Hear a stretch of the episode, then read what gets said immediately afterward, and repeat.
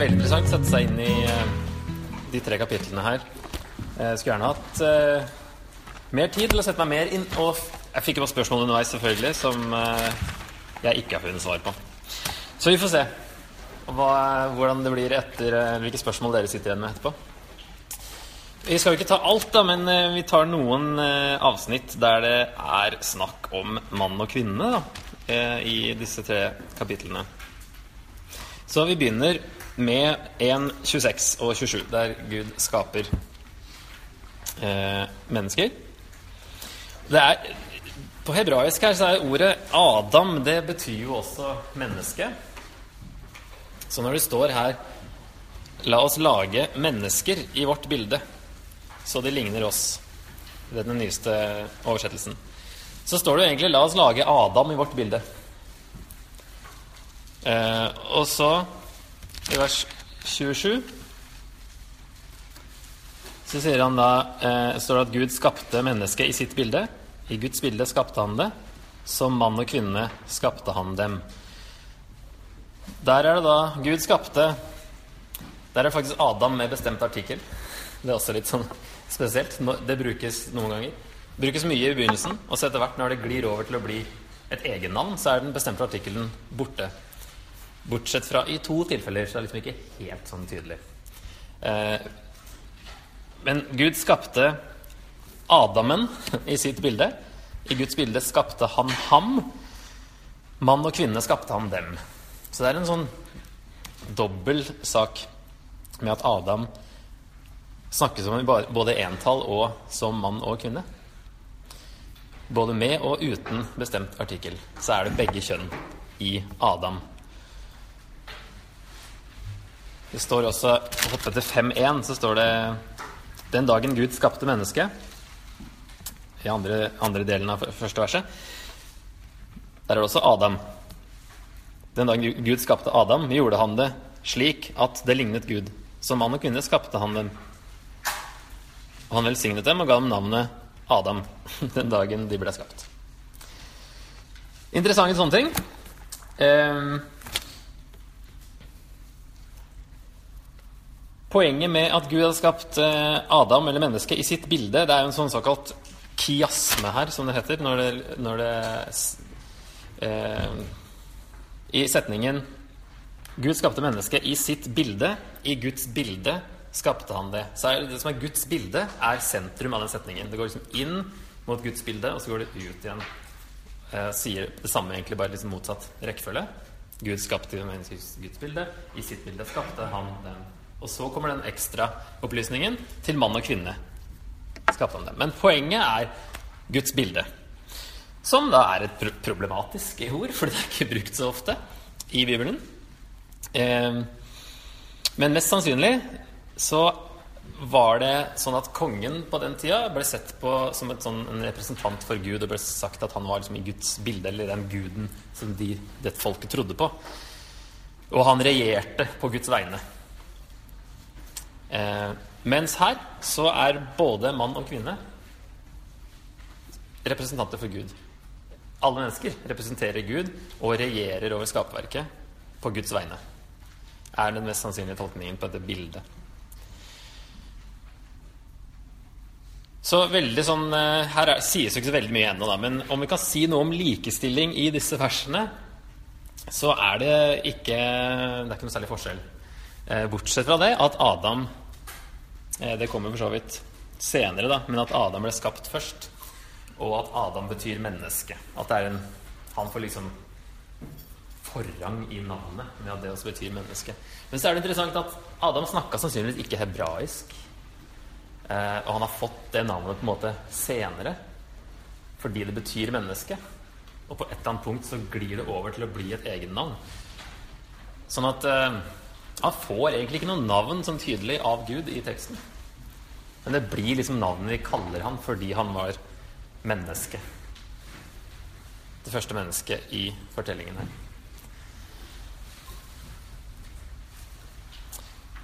Ok, så hopper vi til eh, 2.18 til 24, der kvinnen da blir bygd, som er verbet som brukes.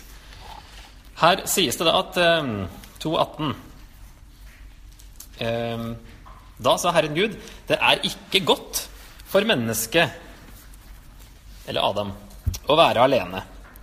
Ja, forresten, i forskjellige oversettelser så er det forskjellig hvor de tar i bruk Adam som egennavn. Eh, bare for å nevne det.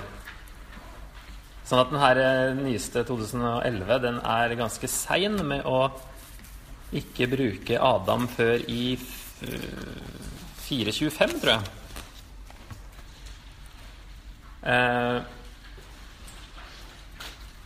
mens de tidligere forrige oversettelsen hadde de 3.8, og 1930-oversettelsen hadde 2.25. Og det har fortsatt 88-oversettelsen. Bibelen Guds ord har 2.15. Så det er jo sånn De tar et valg. er det her menneske, eller er det annet? Så det er, det er litt sånn komplisert, det der. Ok. Men her er det da Det er ikke godt for mennesket å være alene. Det er første gang noe ikke er godt. Det har vært godt mange ganger. Det har vært sju ganger i første kapittelet, og det har vært til og med veldig godt etter den siste dagen, eh, da menneskene hadde blitt skapt. Og videre i kapittel to så er også trærne gode, og gullet sies å være godt. Og så er det plutselig ikke godt fordi kvinnen mangler. Så det var kanskje en sånn overraskelse når man leste den teksten her. Og det er derfor eh, det støtter opp under den eh, tolkningen om at kapittel 2 forklarer mer av det som skjedde da Gud skapte mennesket på den sjette dagen. At du får mer info. Der summeres det opp med at Gud skapte mann og kvinne. Og så kommer det litt mer at Adam var først, og så var ikke det godt. Og så kom eh, kvinnen etterpå. Så sier Gud, eh, 'Jeg vil lage en hjelper av samme slag', som det står her. I 88-oversettelsen står det 'en hjelper som er hans like'. Eh, på engelsk står det ofte 'a suitable helper', en som passer. Og det, det ordet, når jeg slo det opp, så er det egentlig noe som korresponderer. En hjelper som korresponderer med Adam, sånn som dyrene da ikke gjør i de versene som følger. Herren Gud formet alle dyr på marken og alle fugler under himmelen av jord. Han førte dem til mennesket for å se hva de ville kalle dem. Det som mennesket kalte hver levende skapning, det fikk den til navn. Mennesket ga navn til alt feet og til himmelens fugler og til alle villmarkens dyr, men til seg selv fant mennesket ingen hjelper av samme slag. Og det at kvinnen da kalles en hjelper, eh, trenger ikke bety underordning. I de fleste forekomster av det ordet i GT, så er det Gud som er menneskers hjelper. Han er jo ikke underordnet. Men det er en tolkning, da, at hun skal være en hjelper for mannen. Men ordet i seg selv det trenger ikke bety det. Det betyr heller ikke at det er overordning. At mannen er håpløs og trenger hjelp. Um, men poenget er at de utfyller hverandre, at de korresponderer. Noe fortellingen får fram med hvordan kvinnen blir skapt. For det kommer da i vers 21. Da lot Herren Gud en dyp søvn komme over mannen. Mens han sov, tok han et ribbein og fylte igjen med kjøtt.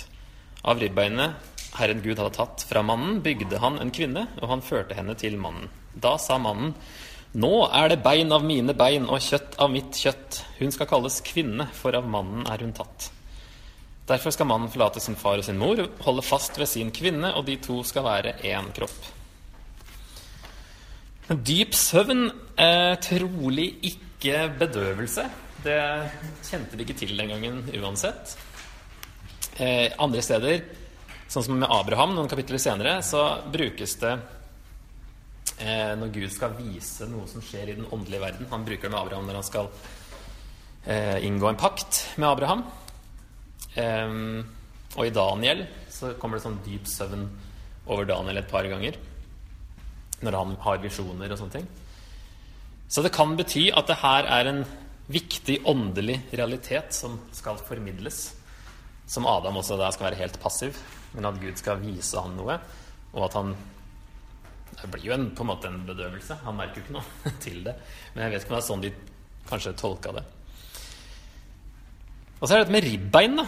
Eh, det fins vel i nesten alle oversettelser at de oversetter det med ribbein. Mens i eh, hebraisk ordbok så står det at det ordet her det betyr egentlig side. eh, brukes bare her om noe som vi kan tolke Altså noe, noe helt annet som har noe med, med kroppen å gjøre.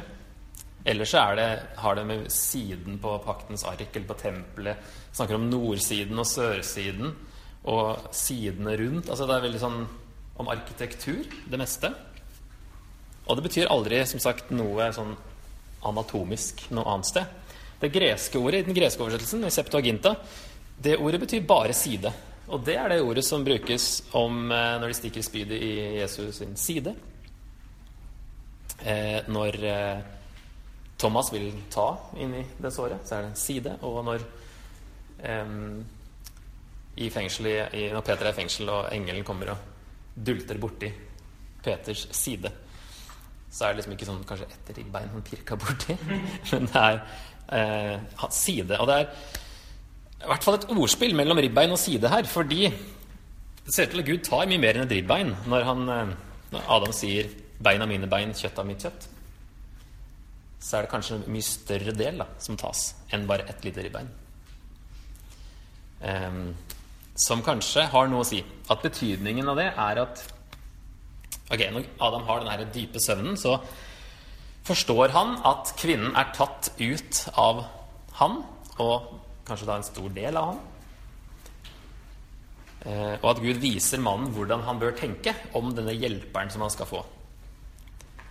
Og det vil jo kanskje gi Adam en spesiell nærhet til kvinnen, som var bygd av en del av han.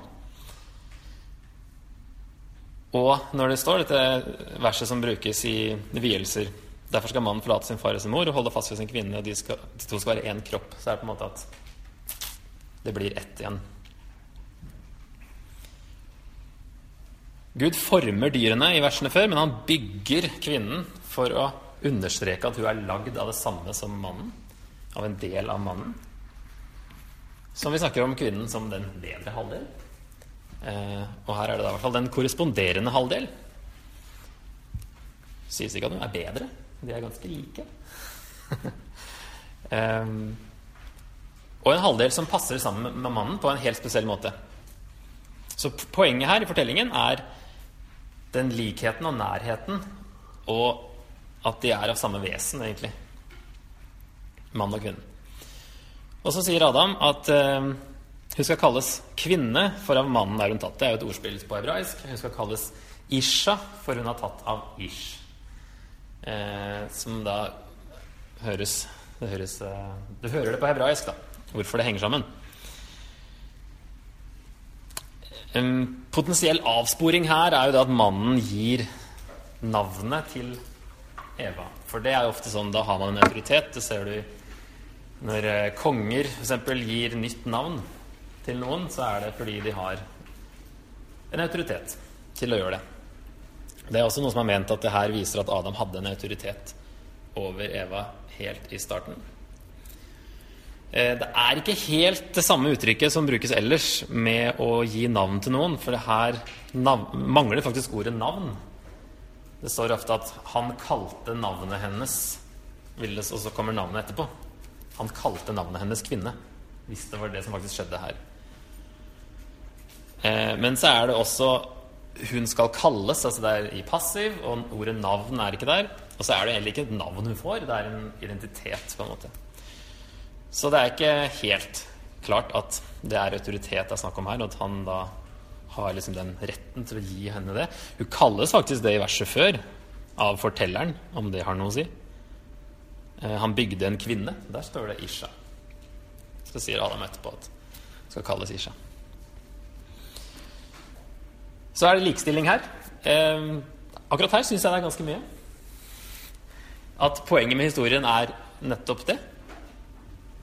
At de utfyller hverandre, korresponderer med hverandre og har en spesiell nærhet til hverandre. Og så kommer da vendepunktet i kapittel tre. Eh, I første avsnittet der slangen snakker med kvinnen.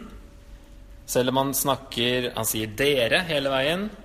Kvinnen svarer med 'vi'. Så de snakker i flertall, selv om det er Adam er ikke med i samtalen. Men hvor er Adam? Det står bare sånn plutselig sånn i forbifarten i eh, vers 6, når Eva spiser. Så tok hun av frukten og spiste. Hun ga også til mannen sin, mannen sin som var sammen med henne. Og han spiste. Det virker som Adam var der hele tida. Han var bare ikke med i samtalen. Man måtte i hvert fall vite hvilket tre dette her kom fra. Om man ikke kanskje hørte alt de snakka om. Men han, han var jo der ved siden av, står det. Så det ser til å være en enhet her også, også fordi øynene deres ble åpnet. Det skjer ikke før etter at Adam også har spist. Og det er ingenting som tyder på her at Eva måtte overbevise eller lure Adam til å spise, som har blitt argumentert også. Adam prøver å skylde på Eva, og han prøver å skylde på Gud indirekte. Han sier at det var hun kvinnen som du ga meg, det var hun som lurte meg litt senere. Men eh, det går ikke. Han får eh, også Han må også ta skylden her. Så det virker som historien her vil legge skylda på begge to. Um, eventuelt mulig at mannen da hadde mest ansvar, siden han måtte spise før noe skjedde. Um, og også vi ser etterpå at han får mest dom. Han får lengst dom. Og han, det var han som hadde hørt direkte fra Gud at de ikke skulle spise av det treet. Vi vet ikke om Eva hørte det fra Gud senere, eller om Adam fortalte det til Eva. Men Adam har i hvert fall hørt det direkte fra Gud. Om det er en grunn til at um, han på en måte holdes mer ansvarlig.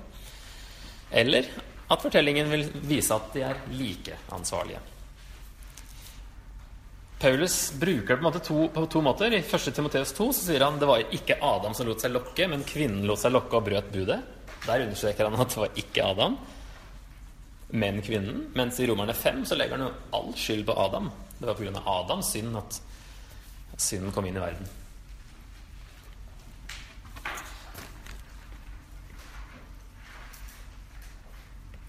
Så i, når de får dom i vers 16 og 17 i kapittel 3. Først er det slangen i kapittel 15. Vi kan ta med det òg. Eh, 14 og 15. Så vi leser fra 14 da. Jeg vil sette fiendskap mellom deg og kvinnen, mellom din ett og hennes ett. Den skal ramme ditt hode, men du skal ramme dens hæl. Til kvinnen sa han, tungt vil jeg gjøre ditt strev når du er med barn. Med smerte skal du føde, du skal begjære din mann, og han skal herske over deg. Og til mannen sa han, fordi du hørte på kvinnen og spiste av treet som jeg forbød deg å spise av, er jorden forbannet for din skyld. Med strev skal du nære deg av den alle dine levedager. Den skal la torn og tistel spire fram for deg, og du skal spise det som vokser på marken. Med svette i ansiktet skal du spise ditt brød inntil du vender tilbake til jorden, for den, fra den er du tatt. Støv er du, og til støv skal du vende tilbake. Her eh, er kanskje noe av det mest relevante. Da. Det som Gud sier her til kvinnen. Du skal begjære din mann, og han skal herske over deg. Er det et bud, eller er det et resultat? Er det sånn ting kommer til å bli, eller er det Guds vilje at mannen skal herske? Det ser til å ha noe å gjøre med det begjæret som kvinnen Altså, du skal begjære din mann. Eh, Senest i går så leste jeg om at den engelske oversettelsen ISV gjør om sin oversettelse av vers 16, og samtidig sier at vi skal ikke forandre bibelteksten noe mer. Nå er den permanent. og de gjør om den til uh, å, å, si at um, Your desire shall be contrary to your husband, but he shall rule over you. Og at de mener det er en sånn at det er maktbegjær det er snakk om. At kvinnen skal ha lyst til å ha makten i ekteskapet. Men det er Guds vilje at mannen skal herske. De tar det fra 4-7, når det, en litt sånn parallellsetning sies til Kain. Eh, om, om synden. Den ønsker makt over deg, men du skal herske over den. Så tolker de der er det snakk om synd i en samme slags type setning. Altså er dette begjæret her synd. Eh, ja. det er, Den mest naturlige oversettelsen er ikke å si 'men han skal herske', men 'og han skal herske'.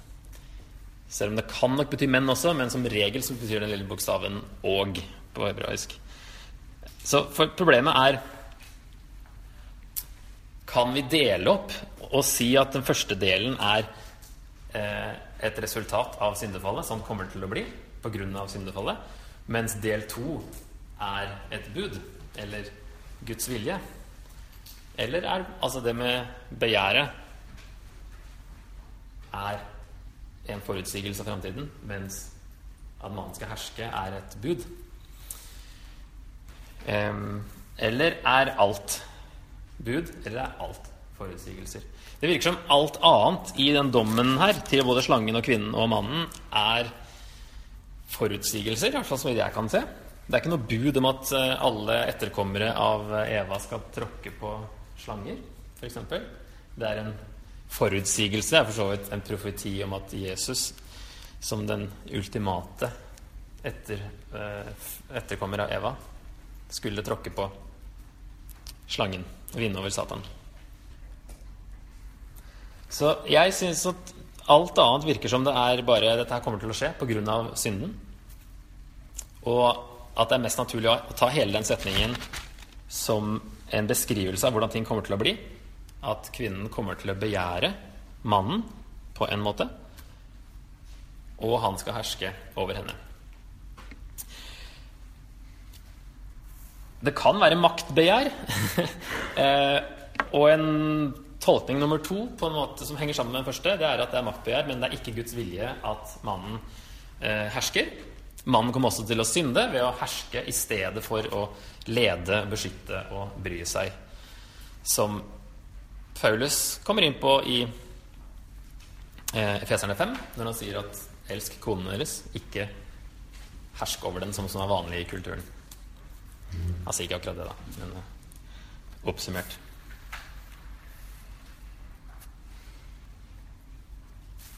Eh, eller så er da en Kall det en tredje tolkning, at det er et relasjonelt begjær. Ikke makt, men at kvinnen kommer til å lengte etter den opprinnelige relasjonen som de hadde i kapittel 2, spesielt. Da de var en enhet, men i stedet kommer mannen til å herske over henne. Og mannen kommer til å misbruke sin status, utnytte sin posisjon og utnytte det begjæret, relasjonbegjæret, som kvinnen har mot ham.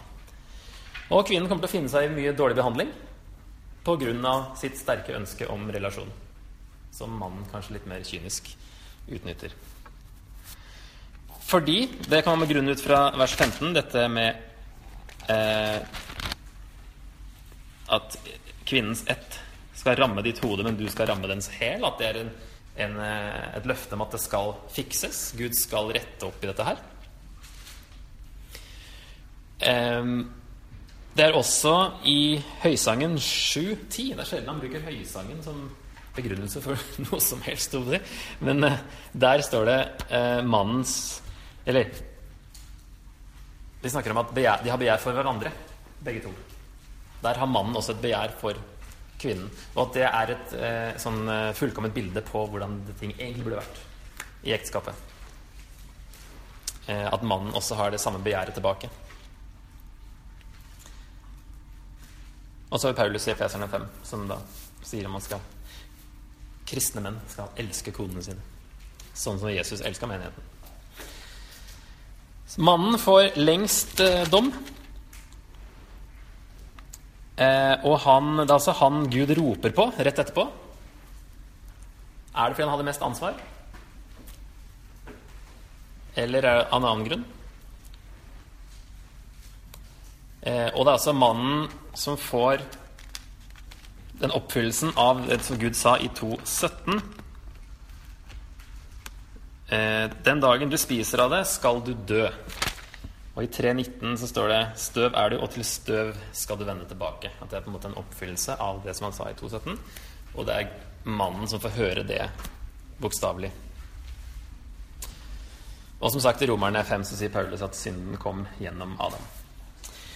Så helt til slutt, vers 20. Eh, Mannen kalte Eva, eh, kvinnen Eva for hun ble mor til alle som lever. Der har vi en ny sånn navngiving. Innebærer det en autoritet her? Eh, ellers i GT så er det en naturlig autoritet når noen får et navn, fordi da er det som regel et nyfødt barn som foreldrene gir et navn. Og det er det også ellers i, ellers i verden, ikke bare i Bibelen. Um, og det er ofte mødrene som gjør det. At de gir navnet. Det er ikke alltid faren. Når navn endres, så er det litt annerledes. Hvis du har et navn allerede som voksen, så endres det. Gud gjør det flere ganger. Eh, disse hedenske kongene gjør det. Med Daniel og vennene hans, f.eks. Men da må man ha en autoritet for at det skal gjelde. At det skal faktisk, det her, Dette er ditt offisielle nye navn nå. Eh, derfor eh, må man ha autoritet for å endre et navn. Dette her med Eva er jo et ganske spesielt tilfelle, ettersom uh, verken da hun var ikke Adams nyfødte barn eller hadde et navn fra før som skulle endres. Så det er litt sånn vanskelig å vite om det her innebærer noe autoritet. Også at det skjer etter syndefallet. Er det da en umiddelbar effekt av at mannen kommer til å herske over kvinnen ved å gi henne et navn? Eller er det rett og slett bare det at Gud gir verken Adam eller Eva noe navn? Som sagt, Adam bare får det navnet sånn naturlig ut fra hva det betyr. Um, og det er ikke klart at det er Gud som gir Adam beskjed om å gi Eva et navn. Etterpå kaller Gud dem fortsatt bare for menneske. Han eh, holder på det han har kalt dem hele veien. Og det er for så vidt Adam på hebraisk. Um, men siden Gud ikke gjør det, så var det jo enten Adam eller Eva sjøl som kunne finne på et navn til Eva. Så det, er, det, var liksom ikke så mye valg. Og det er kanskje Det kan ligge mye Det kan være en positiv ting at Adam gjør det, istedenfor at Eva gjør det sjøl. Det trenger ikke være at det er autoritet. Det er forskjellige tolkninger av det her òg. Ofte er det kvinnelige kommentarer, si, kommentatorer som mener at det ikke er autoritet. Så er det mannlige som mener at det har en autoritet. Så det er eh, forskjellig syn på saken der. Poenget tror jeg kanskje her er, og det er synd om vi går glipp av det hvis vi henger, i, henger oss opp i den autoriteten her, det er at navnet hun får, betyr at på tross av den forbannelsen eh, som har blitt, eller dommen som har kommet, da, med føde, med smerte osv., så, videre, så skal hun da bli mor til alt som lever. At det er på en måte, det er noe positivt her, og ikke henge oss opp i hva det betyr med om det er likestilling eller ikke.